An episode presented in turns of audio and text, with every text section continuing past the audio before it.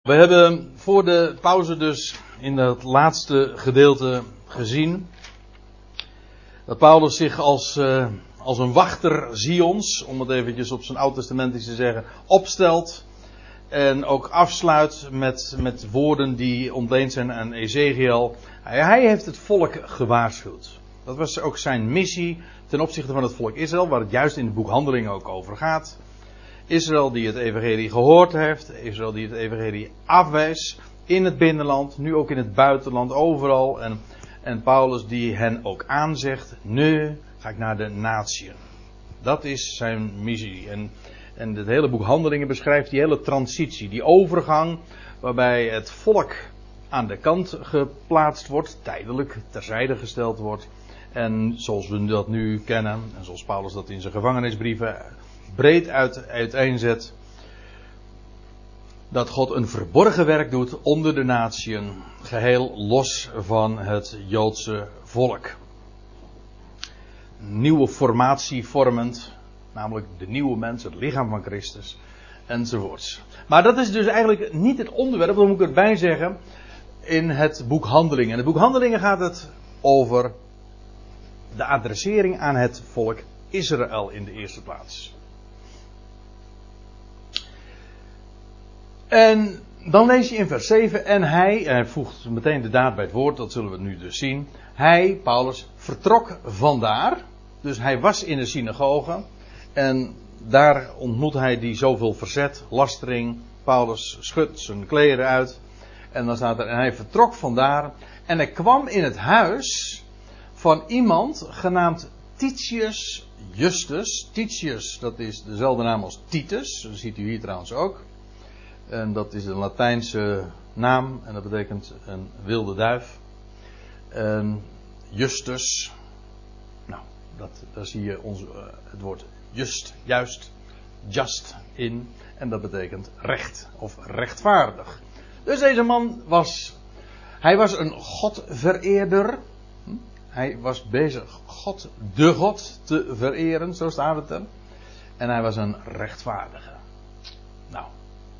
Dat lijkt me wel een hele mooie.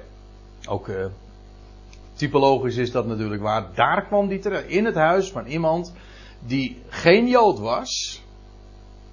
Maar die de God vereerde en die rechtvaardig was. Zo heette die. Maar dat was die ook. En dan staat erbij, en dat vind ik dan ook wel weer mooi, wiens huis naast de synagoge stond. Of eigenlijk, dat huis was aangrenzend aan de synagogen. Ja, dat is. Dat zullen. Dat zullen de Joden niet te leuk gevonden hebben. En, maar dit is ook weer zo. Ja, typisch. Ik bedoel, het werk dat Paulus verrichtte was typerend. Een tent te maken. Maar hier is het ook weer zo typerend. De synagoge, die laat hij voor wat het is. En waar komt hij terecht? In het huis naast de synagoge. En dat is typerend omdat ook Paulus' boodschap grenst aan het Jodendom, aan de synagoge. Ja, maar het maakt er geen deel van uit. Het staat ernaast. Als een, als, als, als een parallelle weg, of eh, ja, je, je kan het ook verdedigen dat het haaks op staat. Het is maar een beetje vanuit welk perspectief je het beziet. Maar in ieder geval, het huis was aangrenzend aan de synagoge. Zodat uh, die, degenen die naar de synagoge gingen voortdurend toch geconfronteerd werden met, met Paulus. Daar was geen ontkomen aan. En dat blijkt dan ook wel weer dat dat conflictstof uh, oplevert. Je leest dan vervolgens in vers 8 een naam die we nog een keer tegenkomen, namelijk in Paulus' brief aan de Corinthiërs. En Crispus, de overste van de synagoge. Hij kwam tot geloof. Nou, die uitdrukking hebben we al heel vaak gezien. Maar dat staat eigenlijk gewoon, hij geloofde. Of zoals we de vorige keer hebben overwogen. Het is niet, je komt niet tot geloof, maar het geloof komt tot jou. Die vind ik veel mooier. En uh, die houden we er dan uh, gewoon ook in. Hij geloofde. Dat was het. Hij was, maar hij was de overste van de synagoge. En hij geloofde, dus niet de eerste, de beste in de synagoge, nog de, uh, ja, de meest prominente plaats. Hij stond vooraan, hè? de overste. Hij geloofde in de Heer en bovendien zijn hele huis. En van deze Crispus lezen we in, eh, in 1 Korinthe 1 vers 14. Dus de brief die later Paulus heeft geschreven aan deze gemeente 1 Korinthe. Dan zegt Paulus, ik ben dankbaar dat ik niemand van jullie gedoopt heb dan Crispus en Gaius. Uh, Crispus is dus deze man, de overste van de synagoge. En Paulus is er dankbaar voor dat de, dat de waterdoop speelde geen, geen rol van betekenis in Paulus, uh, Paulus' bediening. En Paulus zegt ook, trouwens dat zegt hij in datzelfde verband ook, de Heer heeft mij daartoe niet gezonden.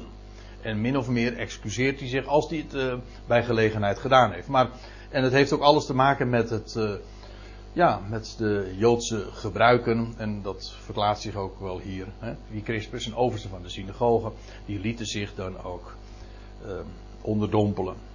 Een ritueel bad. Dat speelde daar een grote rol.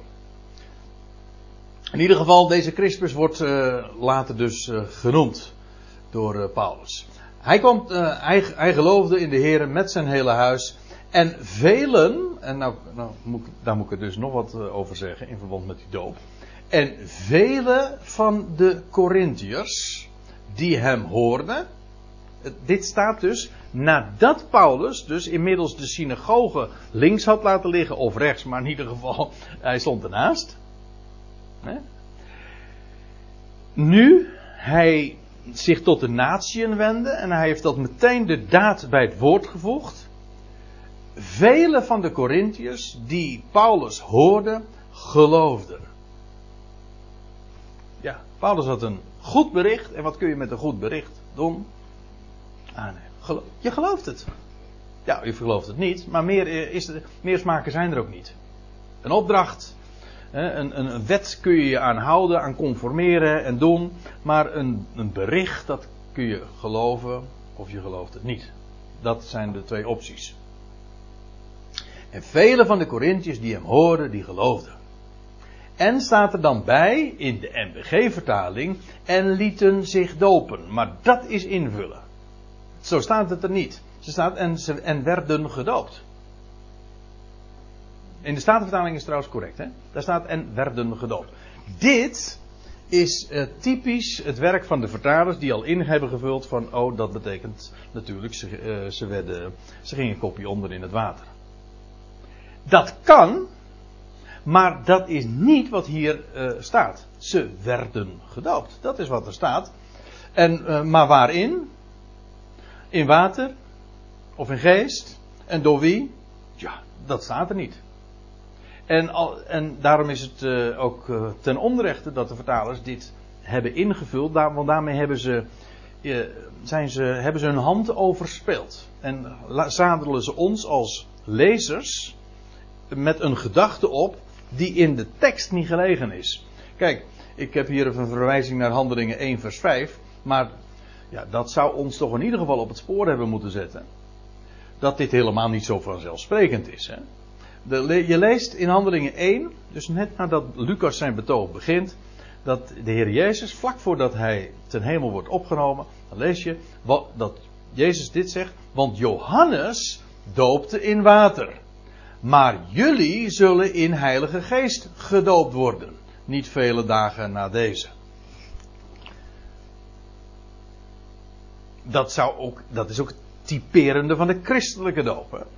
Ik, hè, Johannes doopte in water, maar na mij, dat trouwens, dat zei Johannes iedere keer. Na mij komt hij die in Heilige Geest zal dopen. Dus de doop in water is slechts, slechts een type van de echte doop. En doordat de vertalers dit zo hebben ingevuld, ze lieten zich doop en daarmee suggererend, suggererend daarmee eigenlijk ook aangeven van het gaat hier over een waterdoop, dat is niet zoals de tekst het zegt. Ze werden gedoopt. Dat, dat ligt open en ik geef u dit mee, dat en Paulus was dankbaar dat hij daar helemaal niet actief in was. Hij zegt ook, de Heer heeft mij nooit gezonden om te dopen. En bovendien, vanuit het boek Handelingen sowieso, en trouwens ook de Evangelie weten we al, het meest karakteristieke van de doop van Christus is dat het juist geen doop in water is, maar een doop in geest. Nou, dat is dus wat er gebeurde. Ze werden, ze hoorden, ze geloofden en ze werden gedoopt. Trouwens, eh, als ik het dan toch over de Korinthebrief heb, dan kan ik het niet nalaten om even erop te wijzen dat er staat in 1 Korinthe 12, vers 13. Ik heb er geen diaatje van. Daar zegt Paulus dit. Want zoals het lichaam één is en vele leden heeft, en al de leden van het lichaam, hoeveel ook, één lichaam vormen, zo ook de Christus. Want in één geest zijn wij allen tot één, tot één lichaam gedoopt. Het zijn Joden, het zijn Grieken, het zijn slaven, het zijn vrijen. En alle zijn wij in één geest gedrenkt. Hier staat het. Wij zijn allen door één geest tot één lichaam gedoopt. Wij allen, wij al die Corinthiërs. Daar komt geen druppel water aan te pas. Dat was Paulus' missie ook helemaal niet. Daartoe was hij niet gezonden. Maar ze waren wel, al die Corinthiërs, die waren gedoopt in één geest tot in één lichaam. Nou, dat is niet het onderwerp hier in Handelingen 18, maar wel dat ze gedoopt werden. En daarom, ik denk niet aan de doop in water, maar aan de doop in geest. Ja, dat is, maar dat is Romeinen 6 dan weer. Ja, ja, ja er zijn vele eh, formuleringen, of vele, maar in ieder geval heel wat. In, Rome, in, in Romeinen 6 dan staat er wij allen die in Christus Jezus gedoopt werden, zijn in zijn dood gedoopt. In, um, in Galaten 3, vers 28 zegt Paulus, of wat is het, 26, 27. Dan zegt hij van wij allen die in Christus gedoopt zijn, hebben ons met, uh, zijn met Christus met bekleed. Dat is weer een andere gedachte, maar in al die gevallen staat er, het gaat over een doop in Christus. In zijn lichaam, in zijn geest. Ja, de dopen voor doden. Ja, maar daar gaan, we, daar gaan we het ook al niet over hebben. nou, ik, uh, het enige wat ik. Misschien, misschien mag ik er één dingetje even over zeggen. Want uh, Paulus zegt, spreekt in zijn brieven, dat is heel grappig. Hij spreekt twee keer heel uitdrukkelijk over waterdoop. En voor de rest spreekt hij over de doop in Christus, over de doop in geest en over de doop, nou ja, tot in één lichaam. Maar, en in 1 Korinthe 1 zegt, spreekt hij over de doop in water. En dan zegt hij van, de Heer heeft mij niet gezonden om te dopen. En dan zegt hij ook, uh, spreekt hij uit dat hij dankbaar is dat hij slechts een enkeling uh, gedoopt heeft. In water dus. Omdat het niet zijn missie was. Christus had hem er niet toe gezonden. En in 1 Korinthe 15 spreekt hij ook even zijdelings over het dopen voor doden. Alleen dat is daar een uh, heel, ik denk, heel ongelukkig weergegeven omdat hij dan zegt van ja, eh, als Christus niet is opgewekt, ja, waarom, zou, waarom zouden, dan, uh, zo, waarom zouden sommigen zich dan laten dopen? En dan zegt hij, voor doden is dat. Indien, er geen doden worden opgewekt. Dat wil zeggen, ja, je laat je dopen. Voor, zover een mens zich laat dopen in water, dan is dat juist met het oog op dat je weer opstaat uit het water. Dat doe je niet voor de doden. Nee, dat doe je juist met het oog op opstanding. Hij zegt, ja, als Christus niet is opgewekt, ja, dan laat je je dopen voor de doden. Dus dat is niet zoals de mormonen denken een speciale dooppraktijk, hè, dat je je moet laten dopen voor de doden. Nee, het is, uh, het is een zin. Dopen voor de doden, dat is een zinloze doophandeling. Want een doophandeling heeft slechts betekenis met het oog op het opstaan hè, uit het water. Lijkt me nogal vrij duidelijk. Als je kopje onder gaat en niet meer boven komt, dan. Uh, dan heb je het echt uh, voor de doden gedaan, ja. nou ja. Zo komt het onderwerp van de waterdoop dan toch uh, wat uh, voorbij. Maar laten we even verder gaan in Handelingen 18, vers 9. En de Heere zeide in de nacht door een gezicht, door een visioen, tot Paulus. We zijn dat al eerder tegengekomen toen hij in Troje was. Of Troas. Hè dan lees je ook al dat uh, de Heer in de nacht tot Paulus zei in een visioen. En dat hij dan ook een, een Macedonische man ziet die, die wenkt. We hebben het daar bij gelegenheid over gehad. Maar ook hier is de, uh, krijgt Paulus in de nacht een visioen te zien. Paulus heeft heel wat gezien zo in zijn leven. toen hij geroepen werd, dan lees je ook dat, de Heer zegt van, ik, ga je, ik heb je nog veel meer te vertellen. Dan gaat hij naar Arabië en ik denk dat Paulus zoveel wist en zoveel te horen heeft gekregen. En, uh, maar ook, hij kreeg ook uh, instructies, gewoon heel specifiek. In dit geval ook heel specifiek voor deze situatie. Want wat lezen we? Dat uh, er dan gezegd wordt: De Heer zei tot hem: Wees niet bang, hè? vrees niet. Het woordje fobie wordt hier gebruikt. Ziet u? Fobie. Wees, wees, wees niet bevreesd. En u kunt u zich voorstellen dat Paulus de bui alweer zag hangen. Na alles wat hij had meegemaakt. Nou, recentelijk nog in Filippi. Uh, toen in Thessalonica. Iedere keer moest hij maken dat hij wegkwam. En om het vegenlijf te redden.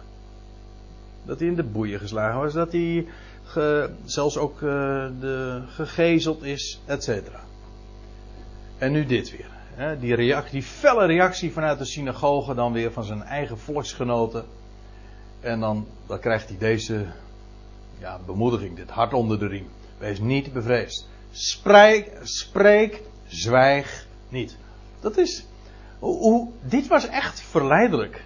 Kun je je voorstellen om, om nu voor Paulus om gas terug te nemen. Het was niet des, des Paulus, moet ik er ook bij zeggen. Maar Paulus krijgt hier ook een hart onder de riem gestoken door de Heer. Hij zegt. Hij, Paulus had een woord toevertrouwd gekregen. Ja, wat moet je met een woord doen? Nou, doorgeven. Daar is het voor. Spreek, zwijg niet. Neem niet terug, hou ook niet terug. En de Heer geeft hem ook in deze omstandigheden een specifieke garantie. Hij zegt: Ik ben met u. Ik ben met jou. En, en nou, nog iets. Want oh, dit, dit Oké, dit kun je in het algemeen zo zeggen, maar nu ook. En niemand zal het op u toeleggen om u kwaad te doen. Kijk, dit, dit heeft Paulus niet te horen gekregen in Filippi, ook niet in Thessalonica, dat was het ook niet waar. Maar hier in Korinthe zou hem niets overkomen. Nou ja, hij zou weliswaar uh, gedaagd worden voor de rechter straks ook, zullen we zien, voor de proconsul. Maar uh, hem zou uh, hem zou verder geen kwaad worden gedaan. Hij zou niet uh, worden gegezeld of iets dergelijks. Deze verzekering krijgt hij hier dus. Een belofte voor een concrete, de, uh, concrete situatie hier. Maar let nou eens even op zoals dat hier dan staat. Ik vind het prachtig. Ik ben met je. Niemand zal het op jou toeleggen om jou kwaad te doen. Dat is wat Paulus hier in de nacht in een visioen van de Heer zelf te horen krijgt. Maar dan deze motivatie. Hoezo? Waarom niet? Nou, eh, jij gaat nou spreken. Zwijg nou niks. Hou ook niet terug. Doe dat ongehinderd. Niemand zal je iets kunnen doen. Want ik heb veel volk in deze stad. Dat, zegt, dat is de garantie. Nee, ja, de garantie. Dit is een, een mededeling die de Heer hem doet. Ik heb veel volk in deze stad. Moet u je voorstellen. Dat moest nog blijken. Ze moesten nog geroepen worden? Zo, dat waren, Paulus, of de Heer refereert hier niet aan, aan een bestaande volk dat al de Heer kende. Nee, ze moesten nog geroepen worden. Maar de Heer zegt: Ik heb veel volk in deze stad. Daarom. Daarom, daarom spreek. Want ik ga. Hoe, zou de Heer anders roepen dan door zijn woord? En daarom zegt krijgt Paulus te horen: spreek, zwijg niet. Hoezo? Wel, ik heb veel volk in deze stad en die moet allemaal geroepen worden. Daarom. Ja. Naar zijn volk. Daarom verwijs ik hier ook even naar, naar Romeinen 8. Naar, ja, naar zijn, die, uh, wij die naar zijn voornemen, naar zijn voornemen geroepenen zijn. En die hij tevoren gekend heeft, die heeft hij tevoren bestemd, en die hij tevoren bestemd, die roept hij, en die hij roept, die rechtvaardigt hij, en die hij rechtvaardigt, die verheerlijkt hij. En dat is allemaal dus zijn werk. Vanaf het begin, voordat we er waren, kende hij ons. Hij bestemt van tevoren. En degene die hij bestemt, die horen bij zijn volk. Die roept hij ook. En die hij roept, die rechtvaardigt hij ook. Ja, hij overtuigt mensen, hij, ja, hij roept ze, hij spreekt ze aan en hij over, het woord overreed. Hè? En dat, waardoor geloof gewekt wordt, is allemaal zijn werk. Hij rechtvaardigt en hij verheerlijkt. Het is, zoals dat genoemd wordt, een gouden ketting. Al die ketens, al die schakels, die zijn vastgeklonken aan elkaar. Daar komt geen mensenhand aan te pas. Dat is allemaal zijn werk. Hij kent, hij bestemt, hij roept, hij rechtvaardigt, hij verheerlijkt. En wat is er dan van de mens? Niets. En hoe doet God dat dan?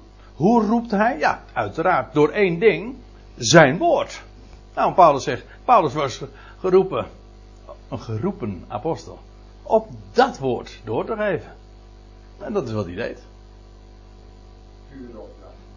Ja. Hè? Ja, het is toch geweldig? Ik heb, want ik heb veel volk in deze stad. Dat, de Heer zag dat al. Hè? Ja. Paulus niet. Paulus niet, maar het wordt hem hier verteld. Hij zegt, ik heb veel volk in de stad en jij mag het allemaal gaan uitroepen. Nou, en, en, en, wees nou niet bang. En voel je nou ook niet geremd. En wees, sowieso, ik zorg ervoor dat je helemaal niks overkomt. Dit gaat gewoon zo gebeuren. Dat krijgt hij in de nacht te horen. En dan is het erg donker om je heen. En Paulus, ik kan me niet. Kijk, het loutere feit dat de Heer zegt tegen Paulus van wees niet bang, dat suggereert van dat Paulus bang was. En dat er naar de mens gesproken reden daartoe was. Van goh. Vre Zoals Paulus was een mens, net als, net als u en mij. Eh, ook niks menselijk vreemd. Hij, ik, ik refereerde er al eerder aan dat, dat als hij dan in Korinthe arriveert, dus ik kwam met veel, vrezen, met veel vrezen en beven bij jullie. Dan gebruikt hij ook dat woordje fobie, hè? En ook nog dat woordje beven, dat is. Uh, trombon, hè? Dat wat was dat woord? Dat was ook een Nederlands woord dat daarvan afgeleid was. Beven.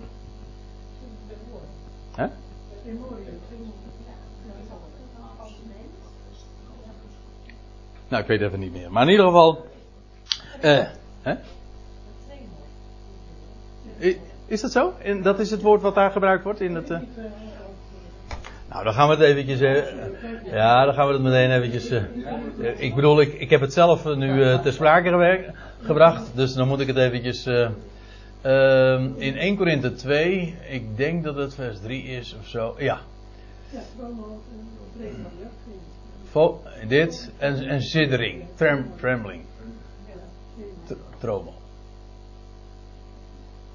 Dat is het woord dus. Oké, okay, tremor. En dat uh, is de medische aanduiding van beven?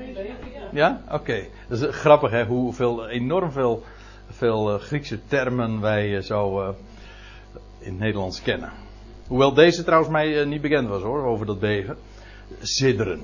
Nou, dat is wat Paulus deed. Hij zegt, ook kwam ik in zwakheid. Ik kwam in zwakheid, in vrees en in ziddering naar jullie toe, daar in Korinthe. Dus het gaat echt over deze situatie ook. En dan krijgt Paulus in de nacht deze.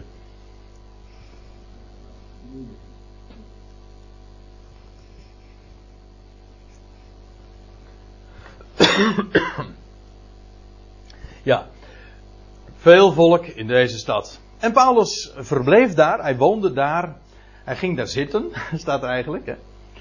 Hij ging daar een, eh, een jaar lang. En.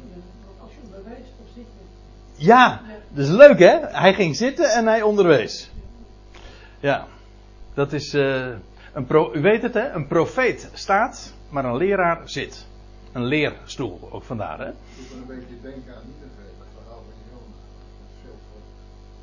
Ja, ook dan lees je ook veel, eh, veel volk in de stad. Ja, ja is trouwens uh, grappig. Ik, heb, uh, ik ben er ook wat mee bezig. Want aankomende zondag dan mag ik in uh, Urk spreken. En dan spreek ik over Matthäus 12. Over het teken van Jona de profeet. En dat is boeiend. Maar daar gaan we het nu dus niet over hebben. Hij woonde daar. Nee, hij woonde niet. Hij zat daar. Hij gaat daar zitten. Ja, waarom? Nou, hij leerde. Hij, om, om te leren. In alle rust onderwees hij. Jaar, zes maanden, achttien maanden. En hij leerde onder hen. Hij onder, onderwijzende te midden van hen het woord van de God. Zo staat het er. Dat is wat hij deed. Nou, en in anderhalf jaar tijd kan je een heleboel vertellen. Dat heeft hij ook gedaan. Hij, hij, eh, hij klaagt dan weliswaar in de Korinthebrief dat hij zoveel meer had willen vertellen daar over de wijsheid Gods. Nou ja, waar we het zojuist al even over hadden, over, over de verborgenheden die hem bekend waren gemaakt. Maar dat is wat hij deed. Woonde daar, of hij zat daar, een jaar, zes maanden, leerde onder hen het woord Gods. Ondersteund trouwens door Silas en Timotheus. We lezen in 2 eh, Korinthe 1. De tweede Korinthebrief is nog weer een, ja, een klein jaartje na de eerste Korinthebrief geschreven. Maar let even op wat er dan staat. Immers, dus, dat schrijft hij aan de Corinthiërs. De Zoon van God, Christus Jezus, we hadden het er al even eerder over. Die in uw midden verkondigd is, door ons, door mij, in het bijzonder. Door Silvanus, ik zei al eerder, dat is dezelfde als Silas. En door Timotheus, dat was niet ja en nee, nee, maar in hem was het yes, ja. Gewoon ondubbelzinnig. Paulus heeft daar onderwezen, ondersteund door Silas, Timotheus. En daar heeft hij over en vanuit in Christus Jezus uh, gesproken, hem verkondigd al die beloften Gods die in hem ja en amen zijn. Nou, dat heeft Paulus daar anderhalf jaar gedaan. En dan staat er in vers 12, maar toen Gallio landvoogd van Achaia was. Dit is trouwens ook weer zo'n grappig ding.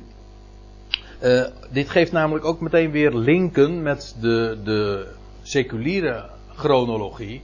Want dit is namelijk ook aanwijsbaar. Dit is ook een van de redenen waarom men er ook heel zeker van is dat dit 50 of 51 uh, van onze jaartelling geweest moet zijn, omdat dit uh, als een paal boven water staat, dat deze Gallio op, in Achaïe, dat is de, de noordelijke van de Peloponnesus, dus daar waar Korinthe lag.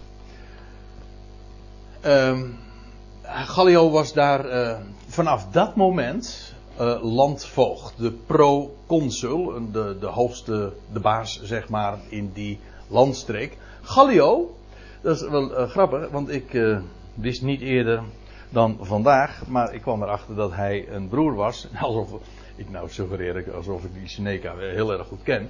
Maar, maar u kent wellicht de naam Seneca. Dat is namelijk een hele bekende filosoof. Trouwens, je hebt nog een, kwam ik ook nog achter, senior en junior. Senior was een uh, hele bekende redenaar, maar zijn zoon, junior, die kwam, uh, dat was een, werd een, vooral een groot uh, redenaar en filosoof. En zijn broer was dus Gallio. Dat is een, een familie waar, die nogal van zich deed spreken. Ze kwamen trouwens uit Spanje. Wat betekent die naam Gallio? Goh. Ja, maar dat is nou net wat ik nou even niet weet. Ja, ik trek maar geen van deze dingen aan. Dat betekent Gallio. In deze omgeving noemen ze Gallio. Oh, de Gallio. Bijnaam van de vrijgemaakte kerk. Ah. De familie die zegt, trek maar geen van deze dingen aan. Ja. Duidelijk, ja, misschien weet jij de betekenis. Nou ja, het eerste waar ik aan denk bij Gallio is. Ja. Nou, laten we daar niet over hebben. Uh, dan moet er gaan geknipt gaan worden natuurlijk. Maar uh, nee, ik, het eerste waar ik aan dacht is uh, Gallië. als inderdaad trouwens Gallio uit Spanje kwam, dan lag dat dus vlakbij Frankrijk, Gallië. Ja. Maar deze associatie die, die maak ik alleen maar zo op de klank. En ik weet niet of dat dus met reden is. Ik, dat, daar blijf ik van af. Maar in ieder geval, deze Gallio, die was een proconsul van Achaïe. En ja, de Joden die denken van met, met deze nieuwe proconsul dat ze wel winst kunnen boeken uit, uit diens positie. En dan staat er, ze keerden zich, de Joden keerden zich als één man tegen Paulus eensgezind, de Joden, uh, als uh, eensgezind tegen Paulus en ze brachten hem voor de rechterstoel. Nee, dat staat er niet. Er staat niet voor de rechterstoel. Er staat sowieso niet het woordje rechterstoel. Er staat het woordje Bema. En Bema betekent, ja, wat hier ziet, podium. Eventueel een erepodium, een verhoging, een platform. En er staat dus ook niet dat hij voor de, rechterstoel, of nee, op, ja, je komt op een podium terecht. En Paulus bracht ze daar op het podium. Trouwens, dit podium, deze Bema, is uh, tot op de dag van vandaag te bezichtigen in Korinthe. Ik heb hier een plaatje. Ik ben zelf nooit hier geweest, maar uh, dit, is, uh, dit was de plaats waar Paulus dus voorgeleid werd bij die Gallio. Dit is de, dit is de Bema. Ik zat me alleen af te vragen, wat is nou de Bema? Is dat dit of is dit? Weet ik niet. Dus ook even het antwoord op schuldig blijven. Maar in ieder geval, deze locatie, dat is, uh, staat als een paal boven water. En zij zeiden, deze tracht de mensen te overreden. Ook hier weer trachten, maar dat staat niet. Hij is bezig over te halen. Ziet u? In de tegenwoordige tijd. Hè? Hij, hij, is, hij haalt over. Dat is een negatieve term trouwens. Hij haalt, hij, uh, hij haalt mensen over om God, de God, op onwettige wijze te vereren. En met onwettig bedoelen zij nu niet van uh, onwettig naar Romeins inzicht. Nee, onwettig uh, in onze eigen optiek als Joden. Dat wil zeggen, eigenlijk staat er trouwens niet onwettig na, naast de wet. En ik, denk dan, ik denk dan meteen van, eigenlijk, wat ze, hun beschuldiging is onterecht. Maar het was wel waar, in zekere zin in strikt gezin naast de wet. Natuurlijk, de wet en de profeten getuigen af van, van dat wat Paulus vertelde. Maar buiten de wet om. Hè, Romeinen 3, vers 21, waar Paulus dat zo zegt. Uh, ja, is gerechtigheid Gods openbaar geworden. En dat is wat zij, uh, deze Gallio dan ja, aandragen. Ze zegt, wat deze, wat deze Jood doet, deze Paulus, die, uh, dat, is, dat is onwettig. En dan, het was naast de wet, maar uh, ja, wat hij deed, hij bevond zich ook al in huis naast de synagoge. En dat was dan ook al heel illustratief, zeg maar, in dit, in dit geheel. Nou, en dan gaat uh, Paulus het woord oh, voeren. Dat wil zeggen, hij stond op het punt zijn mond te openen. Ziet u? Hij stond op het punt zijn mond te openen. Maar dan neemt, is het Gallio, die het woord gaat voeren. En hij zegt tegen de Joden: Indien er sprake was van enige onrechtmatigheid, een onrechtvaardige daad, of een misdrijf, of eigenlijk staat er, ziet u, een, een, een bozaardige schurkenstreek, dan, Gallio zegt, nou dan zou ik u, o Joden, uit de aard der zaak ontvankelijk verklaard hebben. Dat is een, wat hier gebezigd wordt, dat, is, dat doet Lucas wel vaker. Het is een juridische term die hij hier bezigt. En dat betekent een ontvankelijk verklaren wil zeggen eh, dat uh, voldoend aan de eisen om het in behandeling te nemen. Als, als dit de aanklacht was, dat het onrechtmatigheid zou betreffen, of een schurkenstreek, een boosaardig, hij dan zou ik handelend gaan optreden. Hij zegt, maar nu uh, verklaar ik het als niet ontvankelijk. Dus ik neem deze zaak niet eens in behandeling. En dat, daar hadden de Joden niet op gerekend. Die hadden er waarschijnlijk op gerekend van nou die proconsul is er op uit om, uh, om, om rust in zijn eigen gebied te hebben. Dus wellicht dat we succes hier hebben, maar hij hoort het al. Want wat zegt die uh, Gallio? Maar nu het geschillen zijn, vraagstukken betreffen, aangaande, uh, aangaande woord en namen, hij heeft de naam van Jezus, van Christus gehoord.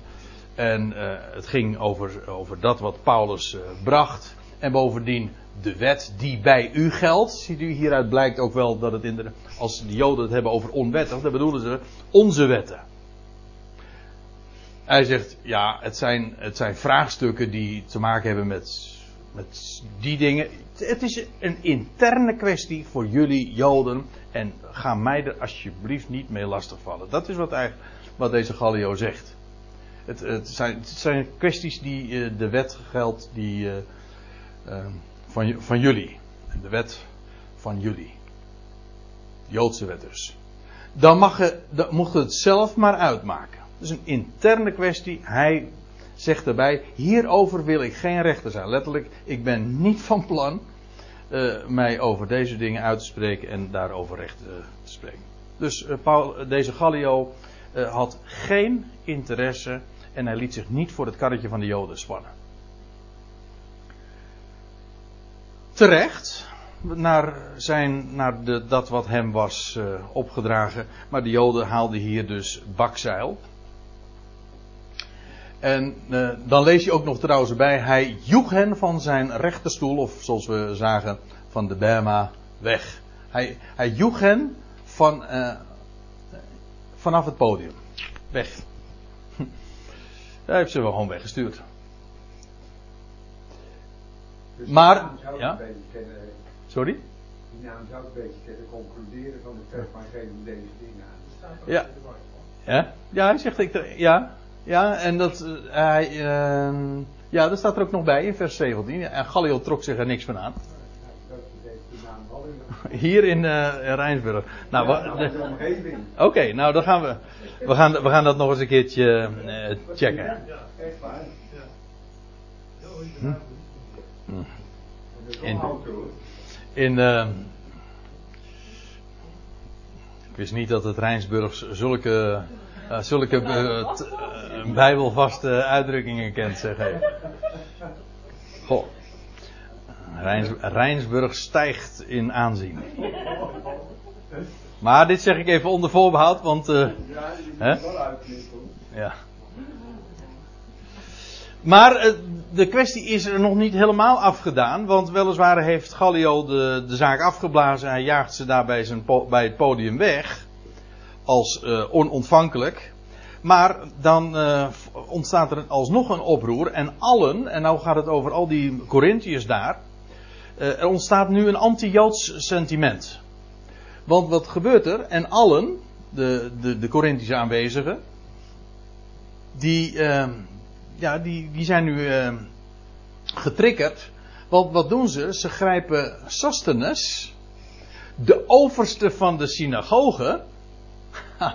Dat is leuk. Want eh, dat, was, is de nieuwe. Want we zagen eerst Crispus. Dat was de overste van de synagoge. Maar die geloofde met heel zijn huis. Dus die was, eh, toen hadden de Joden geen overste meer in een synagoge. Hm?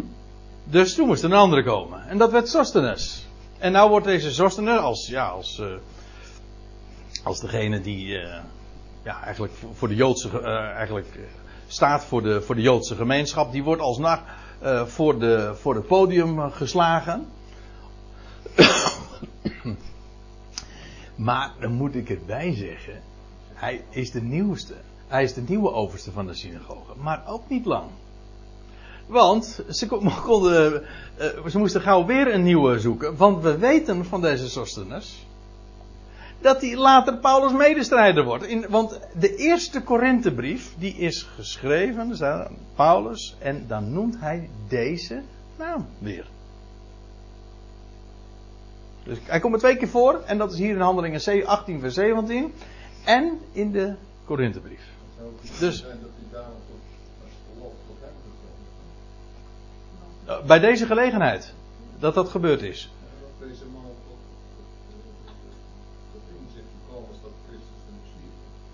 En dat ze hem daarom grijpen, bedoel je? Oh, dat de Joden dat hebben gedaan.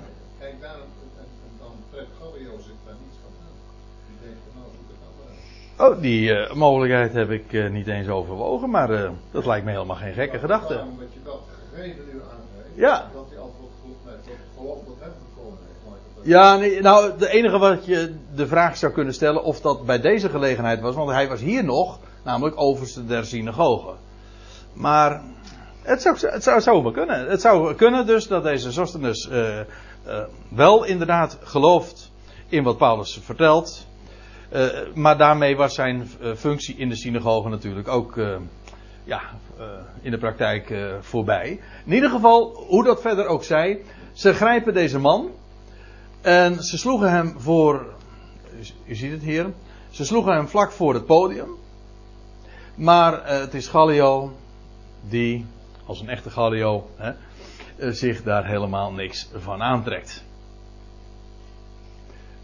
En die, uh, die wordt daar niet heet of koud van en die uh, ook, dit verandert voor hem de zaak totaal niet. En dan lees je in vers 18 nog, en nadat Paulus daar nog verscheidene dagen was gebleven, nam hij afscheid van de broeders en dan gaat Paulus inderdaad weer verder trekken.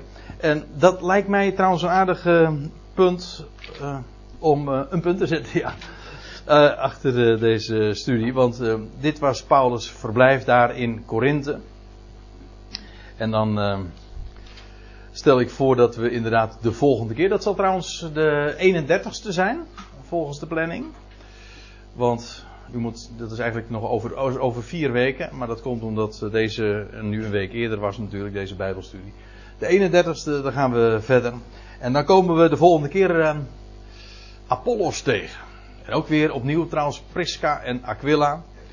Maar goed, dat uh, wacht nog even enige weken voordat we het daarover gaan hebben. Dit was uh, Paulus' verblijf in Korinthe. Zullen we het daarbij laten voor vanavond? Ik stel voor dat we nog uh, onze Hemelse Vader zullen danken.